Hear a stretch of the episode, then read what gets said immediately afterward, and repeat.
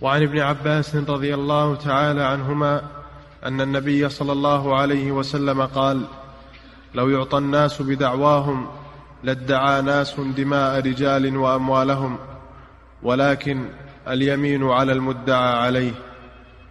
نعم وهذا الحديث أيضا في باب القضاء هو طريق من الطرق الحكمية. طريق من الطرق الحكمية. النبي صلى الله عليه وسلم يقول لو يعطى الناس بدعاواهم لادعى ناس دماء رجال وأموالهم فأنت لا تستعجل في قبول الدعوة. لا تستعجل في قبول الدعوة. ولو ظهر لك إن المدعي إنه صادق وأنه هي لا تستعجل. لا تستعجل تثبت. جاء رجل إلى علي رضي الله عنه مفقوء العين يشتكي ويطالب بالقصاص ويبكي فقال حتى يحضر خصمك. فقال الحاضرون يا أمير المؤمنين مفقوعة عينه تسيل دم. قال ربما أن الآخر مفقوعة عينه. هذا مفقوع عين واحدة لكن ربما أن الآخر المدعى عليه قد فقئت عيناه جميعا. فيجب على القاضي أنه ما يستعجل في هذه الأمور ولا يتأثر بما يظهر له من حالة المدعي أنه صدوق وأنه وأنه طالب علم وأنه بن حلال وأنه لا ما يستعجل. لو يعطى الناس بدعواهم والدعوة هي الطلب الدعوة هي الطلب والمراد بالمدعي هو الذي إذا سكت ترك والمدعى عليه هو الذي إذا سكت لم يترك. هذا الفرق بينهم. المدعي من إذا سكت ترك. ما يقال له ورا ما تدعي ورا ما تطالب حقك ما يقال له هكذا كيف؟ أما المدعى عليه ما, ما إذا ادعى على شخص وسكت الشخص ما يترك. يقال ما جوابك عن هذه الدعوة؟ ما قال ما ما ما عندي له شيء ما كذا. قال احلف اليمين على المدعى عليه. الحديث الآخر البينة على المدعي لأن المدعي يدعي خلاف الأصل فهو ضعيف الجانب.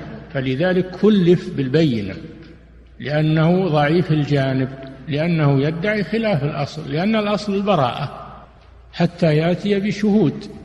وأما المدعى عليه فاكتفي منه باليمين لأنه قوي الجانب لأن معه الأصل الأصل البراءة. الأصل البراءة فإذا حلف خلي سبيله. فالرسول صلى الله عليه وسلم رسم في هذا الطريق الصحيح للقضاة. أولا أنهم لا يستعجلون في قبول الدعوة والحكم بها مهما كان المدعي من الورع والتقوى والعلم والفضل لا يستعجلون في هذا. الإنسان بشر. لادعى قوم أو لادعى ناس أموال رجال ودمائهم لو فتح المجال. فيكلف بالبينة. قال صلى الله عليه وسلم شاهداك أو يمينه. شاهداك أو يمينه. فالمدعي يكلف بالشهادة بالبينة لأنه يدعي خلاف الأصل فجانبه ضعيف. أما المدعى عليه فجانبه قوي لأنه معه الأصل الأصل البراءة فلذلك يكفي منه اليمين إذا حلف خلي سبيله.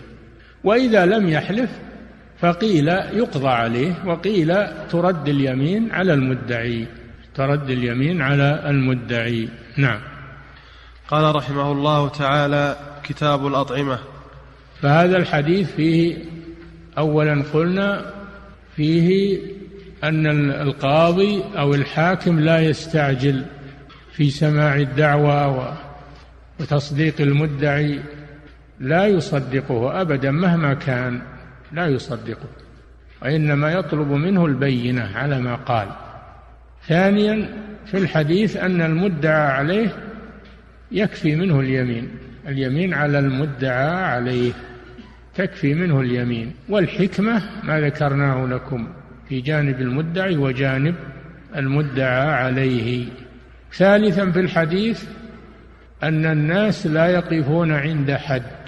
لو فتح لهم المجال لا أسرفوا في الدعاوى على الناس فلا بد من قيد يردعهم. وهو الإتيان بالبينة الإتيان بالبينة العادلة هذا هو الذي يوقفهم عند حدهم. نعم.